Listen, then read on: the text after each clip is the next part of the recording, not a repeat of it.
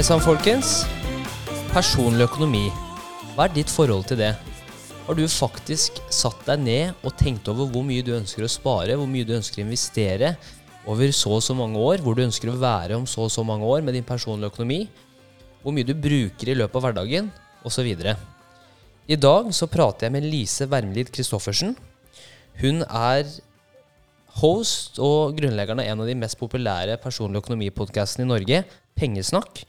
Og i dagens episode så prater vi om hennes reise da med personlig økonomi gjennom oppveksten. Hvordan hun alltid har vært opptatt av å tenke hva som kommer inn versus hva som går ut. Hvor hun putter pengene. Hennes egne vaner når det kommer til penger.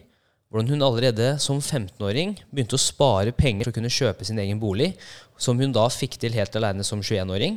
Og hvordan reisen nå har vært de siste årene med å bygge opp denne podkasten, og hva hun har lært gjennom å få masse historier fra nordmenn, men også hennes egne erfaringer og hennes egne refleksjoner ved å bygge opp en egen formue og tenke mer investering og tenke mer langsiktig. Så jeg håper du liker denne episoden her. Hvis den faller i smak, gjerne gi oss fem stjerner, legg igjen en kommentar hva som traff deg. Og så håper jeg du får en eh, fin dag, og at eh, dette intervjuet kan gi deg noen eh, praktiske tips som du kan anvende i hverdagen. Og slapp av, her kommer det ingen råd om cryptocurrency. Investere i Dogecoin. Jeg er ikke en finfluencer. Det er ingen som vil sponse meg enda.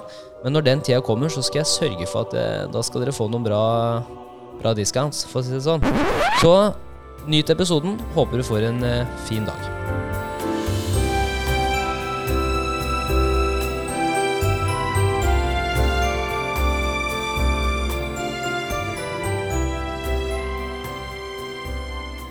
Hei, Lise.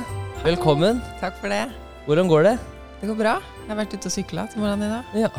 Du rakk ikke å drikke kaffen, eh, så da har du tatt med deg en termos. Det er veldig bra, veldig bra fart inn i intervjuet i dag, hva vi skal prate om.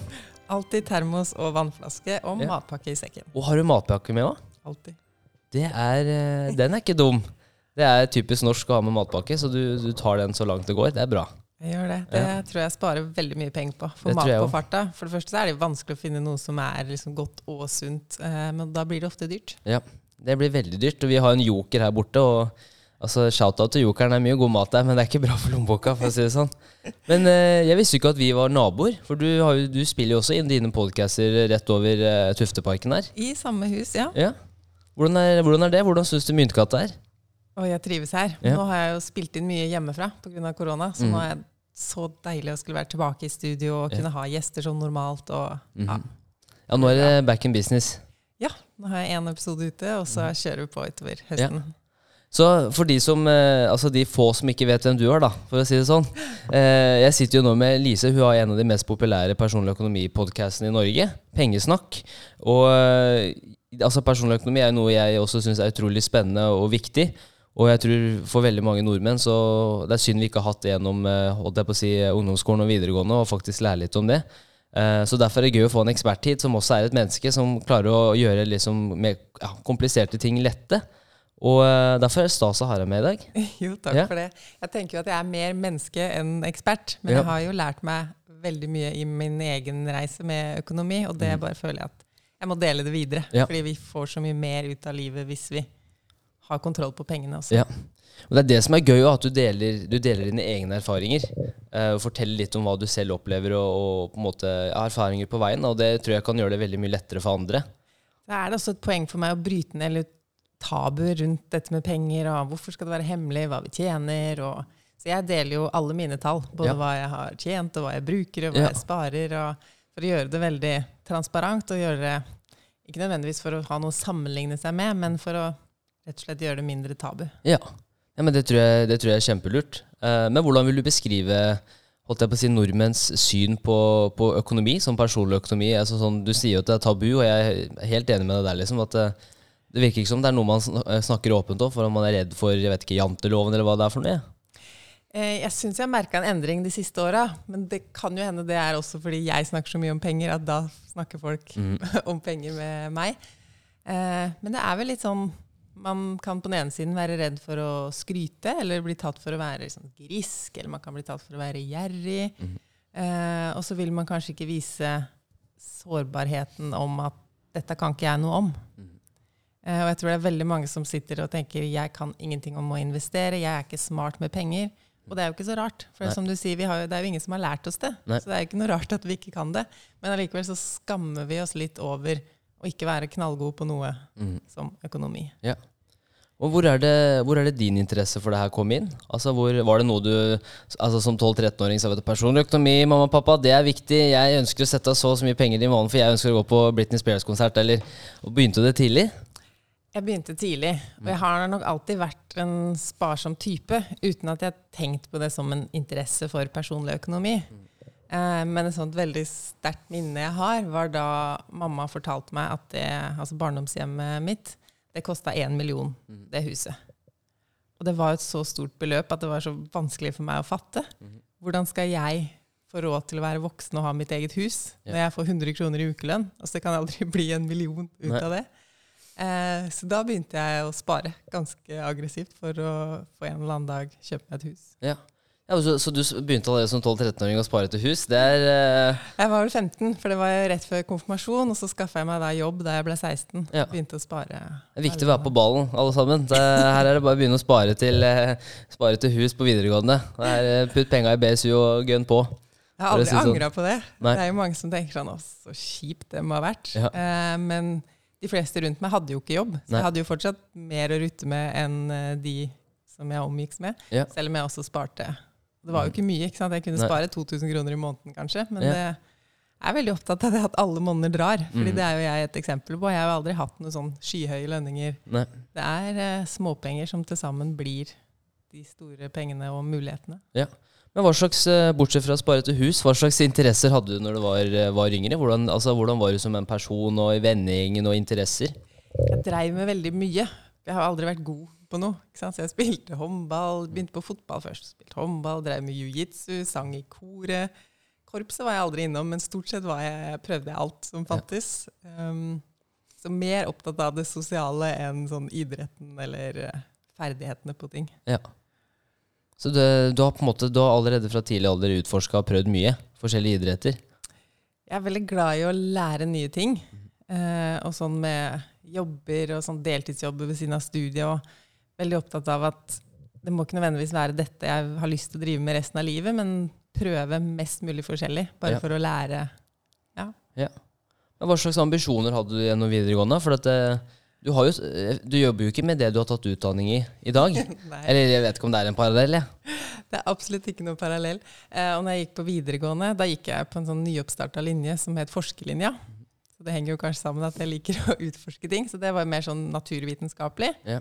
Så da jeg var ferdig med det, så tenkte jeg nå må jeg jo begynne på et studie hvor jeg får brukt alle disse her ekstrapoenga innen kjemi og matte og fysikk og sånn.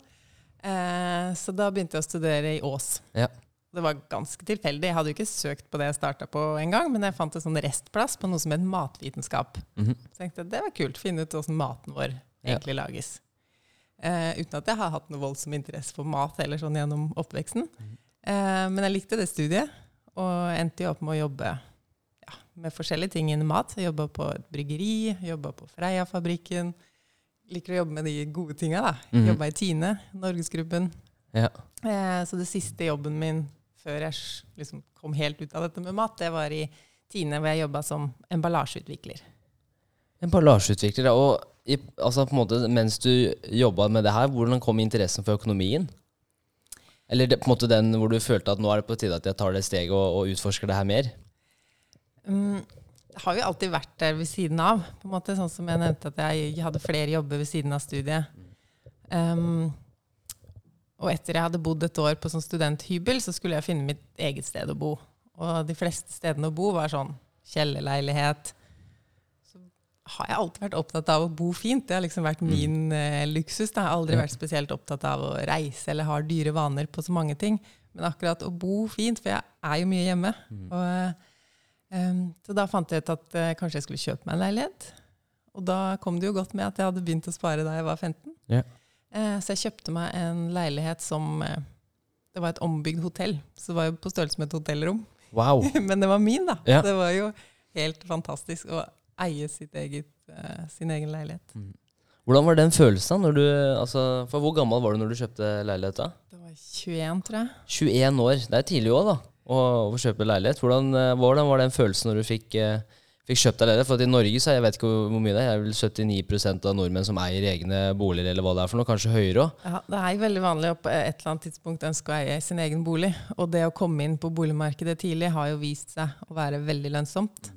Eh, jeg følte meg ung, og husker den dagen jeg kjøpte leiligheten, for da hadde jeg sommerjobb på et fryselager. Der kunne man jo ikke ha med seg telefonen inn. Det var jo på matproduksjon, så jeg hadde liksom sånn vernedrakt på og måtte ut i pausen for å sjekke mobilen, legge inn bud. Og det at eh, jeg eide mitt eget sted, det var jeg veldig stolt av og veldig fornøyd med. Ja. Og så førte jo det med seg mye læring som jeg ikke egentlig hadde tenkt at jeg skulle lære så mye av. da. For da måtte jeg jo plutselig skjønne hva er eh, renter, og Ja. ja, plutselig var jeg veldig voksen på ting i økonomien som jeg nå måtte ta helt ansvar for sjøl. Mm. Ikke bare betale leie til en eller annen, men uh, ha fullt ansvar. Mm. Men hva tenker du om det å altså For i Norge så har det vært en sånn diskusjon Begynner å bli i hvert fall mer og mer diskusjon Skal man eie eller skal man leie? Og så ser man så mange av altså, befolkningen som eier. Og man ser at det, det virker som det er vanskeligere og vanskeligere å komme seg inn på boligmarkedet, for prisen bare blir høyere og høyere. Og, eh, og sånn, Men hva, hva tenker du om det i forhold til at liksom, en alder av 21 år og eh, altså, hva, eller, hva slags tanker hadde du da, når du først kjøpte den leiligheten, i forhold til det å eie noe eget? Så jeg er jo enig med de som sier at det er ikke noen menneskerettighet å eie bolig. Nei. Og det som blir litt dumt, jeg syns det er godt er en diskusjon vi må ha, det er en viktig sak, men de som står fram i media og sier det er umulig å kjøpe seg bolig, Ja. det blir ofte litt dårlige eksempler, fordi de har jo ikke spart til bolig. De har ikke tenkt på bolig før de plutselig skal Nei. kjøpe en bolig og merker at oi, dette var litt vanskelig. Ja. Eh, og så enkelt er det faktisk ikke. Eh, man må legge en litt mer langsiktig plan for å nå et så stort mål. Ja. ja der er jeg, for å si det sånn, jeg er veldig enig i det. Jeg ser jo også i forhold til når jeg snakker med venner og sånn også, så på en måte sier jeg, ja, har du gjort deg opp noen tanker om å skulle kjøpe bolig og sånn? Og så bare, nei, det er så dyrt. Og så bare, ja, men hvor mye er det du setter av? Hvor mye setter du av i måneden? Eller hvor mye er det du på en måte har satt til side over de så og så mange år? Nei, jeg har begynt nå å putte litt i aksjefond og, og sånn, ikke sant? Men altså, da skal du være veldig heldig hvis du får eh, en million fra foreldra. Da kan det gå greit å få egenkapital, men for folk flest, da, så må du Det tar jo tid. Du må jo på en måte spare over flere år. Um, så jeg er, helt, jeg er helt enig i det, og jeg har sett selv også viktigheten av å kunne måte ta større mål, da, og så bryte ned, sånn som den siste episoden uh, som du publiserte nå. Jeg anbefaler alle å høre på den i forhold til hvordan man setter seg mål, og uh, smarte mål også. Så tror jeg det er veldig mange som ikke har, har ikke tenkt over det engang. Nei, det skal skje her og nå, Ja. det vi ønsker oss. Eh, og akkurat sånne ting som boligkjøp, det er en litt eh, lengre prosess å spare til det. Så når du da på en måte har kjøpt din første leilighet, eh, når var det på en måte pengesnakk kom inn? Altså som en, som en egen vei? Da, eller, for du er jo også personlig økonomi, og, og pengesnakk er jo én ting, men du er jo også gründer. Du er også, som også som jeg syns er veldig interessant her, å, å lære å høre fra folk som også har blitt gründer, men da gjennom en slags podcast-verden og en slags influenserverden. da. Eh, for det er veldig spennende. Ja, for det her skjedde jo litt uten at jeg hadde planlagt det. Eh, og så ser jeg jo i retrospekt at jeg har tatt smarte pengeavgjørelser hele veien. Så som når jeg da, altså Det var jo også fint for meg at den første leiligheten jeg kjøpte, lå på landet, så den var jo ikke så veldig dyr. Nei. Men etter fem år der så hadde jeg jo råd til en leilighet i Oslo som da var med to soverom. Så da kunne jeg leie ut det ene soverommet til en kompis. Ja, Det var jo veldig smart det er økonomisk. smart. Eh, og så da jeg traff eh, mannen min, så var jeg liksom Hva skal jeg gjøre med den leiligheten nå? Ja. Så, had, så er jeg jo vant med å spare, og når jeg da begynte å jobbe og få en ordentlig lønn, så sparte jeg jo veldig stor del av den. Ja. Så begynte jeg etter hvert å lure på hva skal jeg gjøre med disse pengene. Mhm. Eh, og begynte å sette meg inn i det med boliglån, og så at jeg kan få en annen boliglånsrente bare jeg spør om det. Mhm. Og det var noe som provoserte meg så enormt. Yes. At det ikke var bare en sånn Dette er renta di pga. de og de faktorene. Jeg hadde bare en rente. Ja. Så når jeg ringte og spurte om å få bedre, da hadde jeg liksom satt en liste med argumenter hvorfor jeg skulle Og han bankmannen bare stoppa meg før argumentene og sa ja, men den renta di ser jo veldig høy ut. Vi Ja. setter ned den. Ja.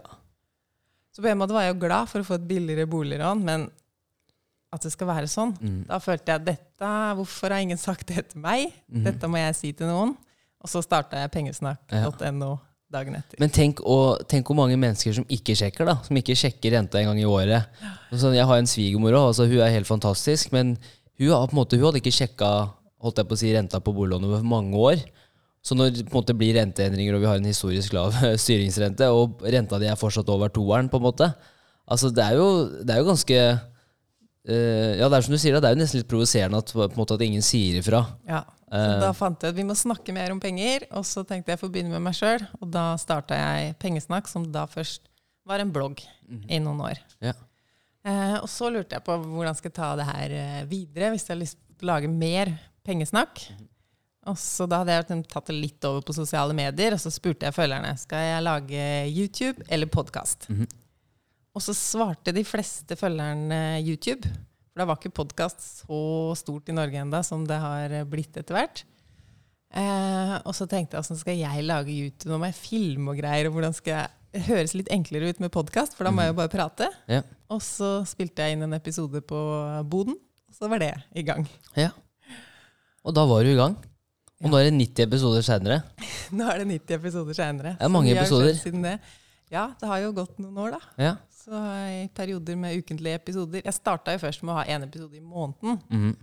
Og det ble jo litt lite, så da ville jeg ha annenhver uke. ja. Eh, Men så hadde jeg jo full jobb ved siden av, og det krever jo litt å holde blogg og Yes. sosiale medier og en podkast i gang. Amen. Så- Halleluja. Så jeg bare Det, det kjenner jeg på sjøl. Jeg kjenner ja. til den. Men det er jo litt den eh, Så lenge jeg tenker det er gøy, og du gir for mestring og føler at du, det er utvikling i det, så tenker jeg at da er det verdt det. Og så er det jo også en sånn eh, tenker jo sam Samtale med folk ville jeg hatt uansett, så hvorfor ikke bare ta opptak av det i tillegg, på en måte? Ja. Um, så men hva, sånn Med tanke på 90 episoder, hva er det du har lært bare sånn i forhold til podcast-formatet? Hvis det er noen som også tenker å begynne podcast, eller ha en podcast, sånn som jeg som spør nå, eh, spør for en venn. Det var et godt spørsmål. Eh, nå er jo de fleste episodene mine soloepisoder. At jeg bare sitter og snakker selv. Yeah. Så jeg føler ikke at jeg har blitt den mest proffe på å intervjue. Nei. Men så er jeg jo en veldig nysgjerrig person. Mhm. Så å la det styre mer enn Å nei, nå eh, kom vi litt unna det vi egentlig skal snakke om. Ja. Fordi det er jo så mange temaer som er interessante. Yes. Og de som hører på, veit jo ikke hva jeg har planlagt at vi skal komme inn på. Ehm, og I starten så spilte jeg jo inn på Boden, som Ja. sagt. Men så var jeg jo heldig og fikk eh, kontakt med moderne media, sånn Mhm. at nå er Hvordan fikk du kontakt med de? Eh, De hadde hørt podden min Mhm. og syntes at den fortjente studiokvalitet. Kult. Fra Boden. Ja. Ja. Mens nå har jeg spilt inn litt i Boden igjen, da, pga. korona. Så Ja, Back to sirkelen er basics. slutta. Ja. For jeg har det vært andre veien. For jeg, jeg begynte med bare masseintervju, for da tenker jeg at da er det lett å ha eh, på en måte samtalen gående og, og sånn. Og så har jeg gjort noen episoder hvor jeg på en måte har tatt, tatt sånn observering og liksom sommeravslutninger, og sånn hvor vi har liksom tatt en recap av mange av intervjuene. Og da merker jeg det er utfordrende å skulle sitte aleine og på en måte Hvordan var det for deg? Liksom, var det naturlig fra dag én, eller kjente du at her må jeg ha trening? Um, ja, både og. Uh, men i starten måtte jeg nok ha enda mer manus. Eh, men det er fortsatt sånn at jeg må ha en ganske rigid plan på hva jeg skal gjennom når jeg sitter alene. Ja. Fordi man skal tenke på opptaket og minuttene som går, og det er ikke den mest kreative settingen når man veit at nå spiller jeg inn, og det er mange tusen som hører på. Um, og så har jeg- vil jeg jo veldig lære bort noe. At det Ja. ikke skal være bare babling. Mhm. Så jeg har en veldig klar eh, disposisjon, eller til og med skriver jeg ned noen ganger setninger, at denne setningen er viktig at jeg sier Ja. sånn. Eh, men så av og til sporer jeg av likevel, da, fordi jeg har skrevet ned noe, og Ja. så kommer jeg på noe annet. Og så har man jo alltid muligheten til å klippe bort hvis det blir for mye Mhm. avsporing. Og så tenker jeg heller å være raus med opptaket enn å eh, skulle holde det så kort. Mhm. Fordi folk har jo en vanvittig evne til å ville høre på lenge. Ja. Det er jo annerledes enn ja. Hva tenker du om det? I forhold for det Ja, det syns ja. jeg var så rart i starten. Mhm. Når folk ikke har tid til å lese en bloggpost som tar sånn to-fire minutter å lese, men de kan høre på 40 minutter podkast Ja. uten noen ting. Eh, og nå, når jeg har begynt å lage YouTube-videoer allikevel, da, nå, noen år senere, så er det jo mange av de eksisterende følgerne mine som nei, vi må ha podkast. For da kan vi brette tøy, vi kan eh, sykle samtidig, vi kan få noe gjort, eller vi kan ta deg med ut på tur i Ja. skogen. Vi har ikke tid til å sitte og glane på at du snakker i seks minutter om noe Yes. i YouTube. Ja. Så det er et veldig annet uh, publikum, men folk har uh, blitt glad i podkast her i Norge etter hvert òg. Jeg mm. føler at vi lå litt etter, at det var mye bra podkaster i utlandet, men nå er vi blitt et podkastfolk. Men etter så mange episoder, da, hva, hva har du lært om på en måte nordmenns eh, pengevaner, eller dine egne vaner gjennom, den, gjennom de 90 episodene? En ting jeg tenker på, er jo at de som hører på, er veldig takknemlige. Jeg får mye meldinger. Altså, det er jo en grunn til at jeg har spilt i 90 episoder, og det er jo av tilbakemeldingene jeg får i mm. innboksen og på mail. Og at de liksom takker meg for at jeg forklarer noe vanskelig på en enkel måte. Og da ble jeg så glad, for det er jo akkurat det jeg ville med pengesnakk. Ja. Pelle videre ting som jeg lærer, som jeg tenker at dette må folk vite. Mhm. Eh, og siden, som vi snakka litt om innledningsvis, at økonomi er litt sånn Vi skulle gjerne visst mer om det, men vi veit ikke helt hvor vi skal oppsøke informasjon, og vi tenker gjerne at det er vanskelig. Ja. Eh, at vi vil ikke begynne å lese finansaviser eller Ja, så at jeg har greid å bli en kilde som er litt sånn Det er enkelt og hverdagslig. Ja. Og det er jo egentlig der økonomien er òg. Vi har jo så fort å tenke på bare det ordet økonomi, så blir vi Ja. sånn at dette er noe vanskelige greier. Forvaltning av penger. Mm. Men det handler jo mest om pluss og minus. Altså Det kommer en lønn inn for de fleste, og så bruker vi penger. Yep. Og så finne en balanse der, og så er det jo egentlig de grunnleggende tingene der, da. Mhm. Hva kan vi gjøre med forbruket vårt? Har det noe å si om jeg Ja. velger de billigere tomatene? Får jeg raskere råd til et hus da? Mhm. Altså å koble den lille økonomien og den store litt Ja. mer sammen. For Ja. det føler jeg ofte at folk har et pengebruk, de bruker penger. Men når de tenker økonomi, så er det mer sånn, da snakker vi om egenkapitalen. Eller at da er det noe sånn ja, som er litt fjernere unna. Men så er det jo egentlig samme ting. Det er jo akkurat det, og, og du nevnte jo før vi gikk på, på luft der også, også at det er et bredt spekter av lyttere. Men hva slags, hva slags historier er det du typisk hører fra folk da, når de på en måte forteller om altså hva de selv har lært eh, et- gjennom å høre på podkasten din f.eks.? Hva slags situasjoner er det no, folk flest befinner seg i? da? Å, det er alt mulig. Så jeg vet ikke om det går an å si noe eh, folk flest. Nei. Men uh, av de som hører på podden, så er det jo folk som har fått motivasjon til å liksom, tørre å se på hvor mye gjeld de egentlig har, og tro at det er noe de kan løse. Uh, og folk som har masse penger, som ikke veit helt hva de skal gjøre med de, som ikke tør å investere.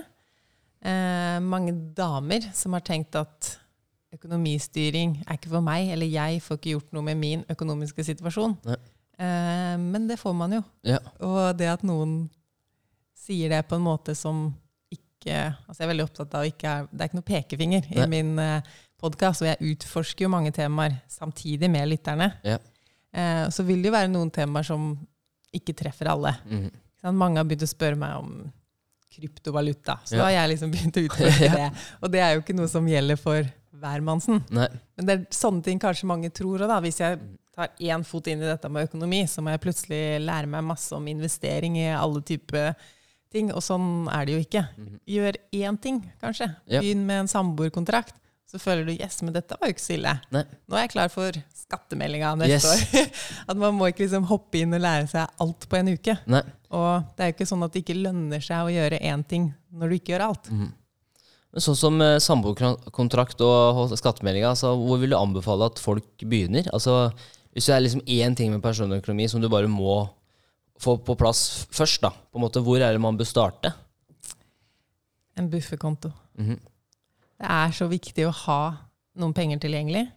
For det skal så lite til da, hvis du ikke har noen penger på noen kontoer, og så skjer det en ting som koster Det trenger jo ikke være en sånn kjempedyr ting, men hvis den koster 7000, da, og du har bare 1000 kroner igjen, hva gjør du da? Ja. Noen kan jo ringe pappa, og så ordner det seg fra måned til måned. Ja. men for det første er jo ikke det bærekraftig for deg selv. Eller for pappaen din, hvis han skal hele tida måtte ut med beløp hver måned. Nei, ehm, og så begynner man gjerne med kredittkort. Og mange ser jo på den saldoen på kredittkortet som tilgjengelige penger. Og da er det allerede litt feil ute, da. For Ja. da lever du alltid i etterkant. Og selv om du tenker jeg er flink å betale kredittkortet hver måned, Ja. hvis mye av lønna di går til det, så må du jo bruke kredittkortet igjen neste måned. Ja. Og da er det jo alltid bakspeilet du titter, da. Og da blir det vanskelig å oppnå noen mål i framtida, for da må du jo faktisk havne i pluss hver eneste måned helst Yes. for å kunne spare opp. Jeg har jo hørt flere historier hvor, eh, hvor, hvor folk på en måte ser på kredittkortet som er sånn Ja, jeg trodde det var penger vi fikk, jeg. Vi fikk liksom 20 000 i måneden vi kunne bruke. Og så på en måte Det er jo, og jeg tror jo også det er jo en grunn til at kanskje liksom Kanskje 60-70% av de er veldig gode til å betjene kredittkorta, men så har du de 30% som bankene vet å nyte godt av, da. Som eh, får, eh, holdt jeg på å si, tvangsmult. Ikke så ille, men de får på en måte løpende renter. Ja, det er eh, ille. Fordi det med økonomi ikke bare Å ja, jeg har dårlig økonomi. Ferdig med det. Det å ha dårlig økonomi og betalingsproblemer, det begynner etter hvert å påvirke alle områder av livet ditt. Ja. Og det blir så hemmende. Mm. Og forskjellen på minus og pluss er egentlig så liten Ja. at de tingene du kan gjøre for å være på plussida, det krever jo innsats, Ja. men ikke så stor innsats at det ikke er mulig for Nei. den jevne nordmann. Nei, så Man ser jo også nordmenn eh, i forhold til Skandinavia. Altså, vi er jo ganske høyt oppe når det kommer til forbrukslån. Altså, Det er jo morsomt, eh, interessant også når du på en måte hver gang på Luksusfellen så ser du Hallgeir Er du klar over mange kuer det blir i løpet av? Altså. Det blir jo det blir jo ganske fascinerende å se. Altså, Det er ganske store beløp det er snakk om, og veldig ofte så på en måte putter man eh, putter man regningene i skuffen. Nå får man jo selvfølgelig over nett, og sånn, så det er ikke så mange som gjør det lenger. Men det er jo sånn, det er jo fort gjort å bare la den ballen rulle. Og Eh, der også nedover. er det jo mange som tenker at ja, det er jo de store tinga. Det er jo huset, og det er bilen, og det er de tinga som koster penger. Mhm. Ja. Men så ser man jo at svaret ligger i forbruket. Ja. Så det er den daglige driften av økonomien som er en mye større faktor på din økonomi enn det mange tenker over eller tror. Og jeg leste jo også, Det var en artikkel i DN, men det var jo et år tilbake, jeg tror det var før korona, eller kanskje det var under korona, når det sto om hvordan man sparer seg til å på en måte, holdt jeg på å si, gå av med pensjon tidlig, om du vil. da. Ehm, for det er også et annet tema som jeg ser flere flere på en måte i vår aldersgruppe og, og på en måte de generasjonene som kommer, litt av det med å først og fremst bli gjeldfri, men også kan, på en måte istedenfor å uh, eie, så vil de heller på en måte være fri til å kunne gjøre det de vil, og reise rundt i verden og sånn. Uh, og da kommer veldig ofte det temaet om å gå av med pensjon tidlig. Altså, Har du hatt noen tanker om det? Altså det å skulle gå av med pensjon tidlig, i en tidlig alder? Altså Det fenomenet FIRE det inspirerer meg og interesserer meg veldig. Og det var jo også noe jeg utforska mye i starten av at jeg starta bloggen. Ja. For da var jeg jo litt eh, sånn Hva skal jeg gjøre med pengene mine? Og jeg betalte aggressivt ned på boliglånet, og så at en dag så er det jo ikke noe boliglån Nei. igjen her. Og jeg bor jo i den leiligheten jeg vil bo i. Ja. Hva skal jeg gjøre da? Fordi jeg trives med lavt forbruk. Det er jo litt irriterende for noen som hører på podkasten min. Ja. Og vil plukke opp noen tips, og så Yes. egentlig så elsker jeg å bruke lite. Så for Ja. meg er det ganske enkelt. Eh, men det gjør jo at jeg har et stort overskudd hver måned, eller hadde det når jeg hadde fast lønn. Ja. Og hva skal jeg gjøre med de pengene? Og mens jeg da drev og søkte litt rundt på internett, så kom jeg over dette med FIRE, som står for Financial Independence Retire Early. Ja. Eh, og der var det noen som skrev at hvis du sparer så og så mye prosent av lønna di hver måned, så kan du gå av med pensjon når du blir 40. Ja. Tenkte jeg, i all verden. Og så prøvde jeg å regne på mine tall, og så jo at det er jo mulig. Mhm. Og det er jo sånn Det er jo så mange forventninger til livet. Sånn, du blir født, du skal gå på skole, du skal ta en utdannelse, du skal få deg en jobb, du skal jobbe i den i 40 år, og så skal du være pensjonist. Ja. Og så kommer det noen og bare forklarer hvor enkelt du kan snu om på hele greia, da. Og gjøre mer hva du vil. Ja. Så plutselig så følte jeg at livet var mer åpent. Mhm. Jeg kan gjøre så mye annet. Ja. Eh, men så er jeg veldig glad i å jobbe, da. Ja. så akkurat det med å pensjonere meg, det ser jeg ikke for meg skjer før Nei. Kanskje jeg aldri pensjonerer meg. Ja. Men det å ha muligheten til det, Mhm. det er faktisk det som er sparemålet. Ja. Så eh, jeg sparer nå for å kunne innen 2027 eh, velge hver dag om jeg skal jobbe eller ikke. Det er jo helt magisk. Og, og den friheten òg. Bare det å kunne velge på en måte hva man vil gjøre, når man vil gjøre det. på en måte. Uh, ja. Og bare det å ha begynt den sparereisen mot et sånt mål, det gjør jo at jeg allerede føler meg ganske fri. Ja. Og jeg veit at ja, men hvis jeg vil ta en svindyr ferie, så kan jeg jo bare utsette det målet noen år. Ja. Eh, men jeg er jo fortsatt på en eh, vei som jeg syns er veldig motiverende. Da. Ja. ja, for det er jo litt sånn du nevner det med å gå med pensjon også. Jeg, jeg tenker meg sånn, jeg også elsker å jobbe, og det er selvfølgelig for deg. da, så er det som Hvis du elsker å jobbe og liker å bruke lite, så er jo det en ganske bra kombo. Bare det som et utgangspunkt, da, så tror jeg man kan komme veldig langt. Men så tenker jeg også sånn, hvis jeg skulle gått av med pensjon om ja, si ti år, da, så er det sånn, jeg er så glad i å jobbe, og jeg tror jeg hadde blitt veldig rastløs av å gå og spille golf eh, hver dag. på en måte. Ja, men det ser man jo også, de som er en del av den bevegelsen, som man vel kan kalle det, spesielt i USA, så slutter jo de færreste å jobbe. Ja. Eh, jeg tror vi, vi mennesker har et slags indre driv på at vi vil føle oss nyttige, og vi vil være til nytte i samfunnet. Ja. Eh, men det er jo en kritikken mot FIRE òg. At Ja. eh, da hva med skattepenger fra dere hvis dere slutter å jobbe, eller hva hvis alle gjør det her? Ja.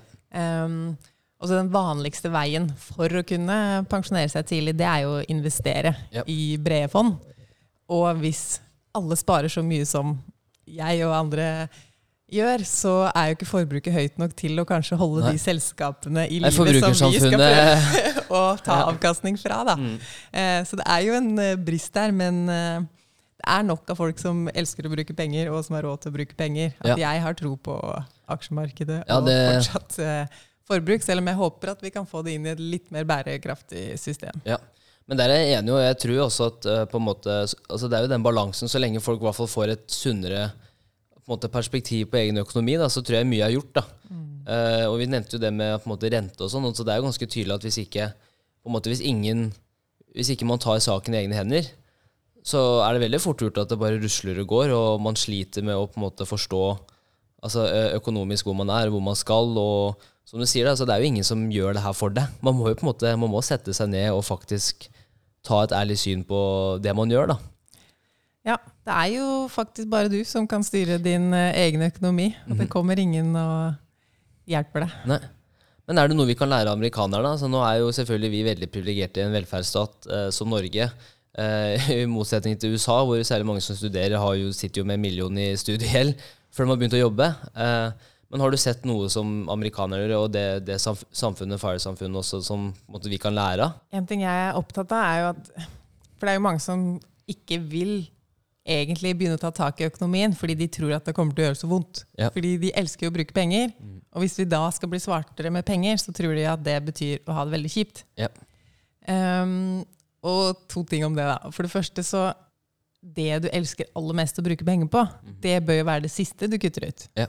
Eh, men du har nok noe sløsing eller noe potensial på noe forsikring eller jeg vet ikke. Det er potensial å spare penger på ting som du ikke bryr deg om i det hele tatt. Yep. Så det er jo der man burde begynne. Hvis man vil spare, ikke begynn med å kutte ut og kjøpe sko hvis du har skosamling som hobby. Yep. Altså Det er rom i de fleste økonomier til å holde på noe av det du trives aller best med, yep. hvis du da kutter ut noe som ikke er så viktig for deg. Kan du, bare, kan du ta oss litt igjennom hvordan kan man sette seg mål i forhold til personlig økonomi? Det jeg syns er det aller viktigste med å sette seg mål For jeg kan bli veldig sånn ivrig på mål, jeg må sette meg masse mål og tegne det opp stort og sånn. Eh, og den viktigste tanken å ha i hodet når man setter seg et mål, er at det er et mål du har lyst til å nå. Fordi det er jo du som skal jobbe for det her målet månedlig, ukentlig, kanskje daglig, over et år eller mer. Eh, og hvis du da har satt deg et mål som egentlig ikke er så burde gått ned fem kilo, men det er ikke det som egentlig gir meg drive. Eh, så det å sette seg et mål som eh, du elsker og har lyst til å jobbe for hver eneste dag, det er en skikkelig suksessfaktor, Ja. tenker jeg da. Ja, det, det er jeg helt enig i. Men sånn, eh, sånn framover, da, en alder av 20, eller mot 2027, eh, når du skal ha muligheten til å velge selv om du har lyst til å jobbe og sånn, eh, hva slags råd vil du gi til de yngre? Eh, så de yngre generasjonene nå, som selvfølgelig vokser opp med eh, litt annerledes, altså med sosiale medier fra dag én, og det er jo fort gjort å bli forvirra av alt, alle tips og råd man kan få fra ulike banker og det ene og det andre. Så eh, bortsett fra bare å høre på pengesnakk, selvfølgelig, hva slags, hva slags råd vil du gi til de yngre? Nei, og nå finnes det jo mange man kan følge i sosiale medier som snakker om smart pengebruk, så det liker jeg veldig godt. I sommer har de jo òg kommet litt kritikk mot dette som nå kalles finfluensere, altså Yes. financial influencers. Eh, og jeg tenker jo faktisk at vi trenger finfluensere, rett og slett fordi det er på internett de unge leiter etter mm. forbilder, eller at noen kan fortelle dem på sin måte. Eh, og så klart, å ta aksjeråd eller investeringsråd Ja. fra noen du ikke aner hvem er i sosiale medier, uten å gjøre noe som helst annen research, det er dumt. Ja. Ikke gjør det. Han var ikke helt heldig med Vi skal ikke nevne navn, men det var altså, Jeg tror ikke man skal ta holdt jeg på å si, og, og, og si at alle er de samme. Jeg tror, jeg tror Den personen her var nok kanskje et, et unntak, bortsett fra- andre influensere. Ja, vil så tenker tro. jeg at På TikTok går det litt mer vilt for seg enn f.eks. på Instagram, ja, er hvor jeg er Ja. mer, da. Eh, men at det skal være liksom feil å snakke om investering og smarte pengevalg, pengevalg, fordi det man, bør man ha en autorisasjon for. Ja. Når man på de samme sidene kan bli influensa til å kjøpe klær for 70 000 eller ferie altså Alt det forbruket, Ja. det er helt greit, men å anbefale å investere de samme pengene, det bør det lages retningslinjer for. Ja. Der er jeg litt uenig, og tenker at det er fint at noen snakker om smarte pengevalg i sosiale medier. Ja. Nei, Jeg er helt enig, også bare når du også prater om dine egne erfaringer. For det er så noe jeg savna veldig. Eh, for man kan lese på en måte det, man kan lese på en måte dine penger, man kan lese sånne type ting. Men jeg tror det blir først verdifullt når man hører fra folk som snakker om sine egne erfaringer, hva de selv gjør i hverdagen. Eh, for disse artiklene du leser i alle finansavisene, altså det blir veldig sånn Det blir litt teknisk, og så Yes. høres det kjedelig ut. Og så tenker man men jeg gidder ikke gjøre det, for det høres jo kjipt ut. Ja. Eh, og så Jeg er jo veldig ærlig på hvor bra jeg har det, selv om jeg bruker lite penger hver eneste dag. Ja. Og det å kunne vise at det er ikke pengebruk som er å ha det bra. Nei. For når noen sier at nei, du må jo leve litt òg, Lise, Ja. så tenker jeg men hvem er det som har sagt at det å bruke penger er det samme som å leve? Ja. Det er jeg helt uenig i. ja. Fin filosofi. Det var veldig fin. Men eh, jeg må jo spørre, da, for det er jo når du er så glad i å jobbe og du liker å bruke lite, altså har du noen guilty pleasures? Det er ikke matpakka, det er ikke kaffen i termosen. Og har du noen guilty pleasures? Jeg har ingen guilty pleasures, eh, men det å kunne bruke penger uten skam er jeg Ja. veldig for. Jeg har alle, ingen penger jeg bruker, skammer jeg meg for Nei. å bruke, samme hva det er. Men uh, jeg ser ikke noen grunn til at det skulle være skamfullt når jeg faktisk har råd til det. Ja. Uh, men det jeg bruker unormalt mye penger på, det er jo bolig. Ja. Jeg har et dyrt hus, og vi driver og pusser opp, og det er liksom et skikkelig pengesluk som jeg elsker at pengene mine havner i, da. Men du skal jo trives òg. Altså i hjemmet. Det er noe jeg, særlig gjennom korona vi, eh, Jeg kjøpte en leilighet for eh, Det var den første leiligheten min, og det er for et par år tilbake. Ja. Og Det er en sånn liten leilighet, 36 kvadratmeter, nybygg på Løren. ikke sant? Og da tenkte jeg det viktigste er bare at jeg kommer inn. Og så bor jeg der nå med samboeren, og så begynner vi nå gjennom korona, og så merker vi at nå har det vært godt med litt mer plass. Og så bare det å trives i hjemmet. Hvor viktig det er. Ja, og nå jobber jeg jo også fra hjemmekontor, så jeg er jo hjemme omtrent døgnet rundt. Ja. Så det å ha det fint hjemme, det er en av mine prioriteringer, da. Ja, men det, Den syns jeg er fin. Det er en guilty pleasure, det å ha det bra hjemme. ja. Så liker jeg jo ofte sånn langvarige gleder av å ikke kjøpe ting som er borte på dagen, Ja. men uh, noe som varer. Yep. Der er vi jo forskjellige. Der er vi forskjellige. Men eh, også, det må jeg selvfølgelig spørre deg, hvordan har det vært å være med på Ekspresso i dag? Har det, vært, eh, har det vært gøy og givende? Ja, det er alltid gøy. Man veit jo ikke hva du skal spørre om, vet Nei. du, så da kommer jeg inn på temaet. Så tikkende Det bombe på andre sida av bordet. ja. Ja. Veldig hyggelig. ja, men så bra. Kjempegøy å ha deg, Lisa. Jeg veit jo at dette blir ikke siste gangen, for du er jo rett over. Du er jo naboen her. Så Ja, jeg får komme tilbake snakke Yes. mer om det å være gründer, kanskje. Tjene penger. Ja. Litt den siden av uh... det, altså, Vi glemte jo helt å prate om det der, for jeg ble så interessert i temaet vi skulle i. Men det å være gründer og prate mer om det, har vært kjempespennende. Og, og, og hvordan det er å gå den veien, på en måte. Jeg kommer tilbake. Konge. I'll be back, som Arnold Schwarzenegger sier. Herlig. Hei.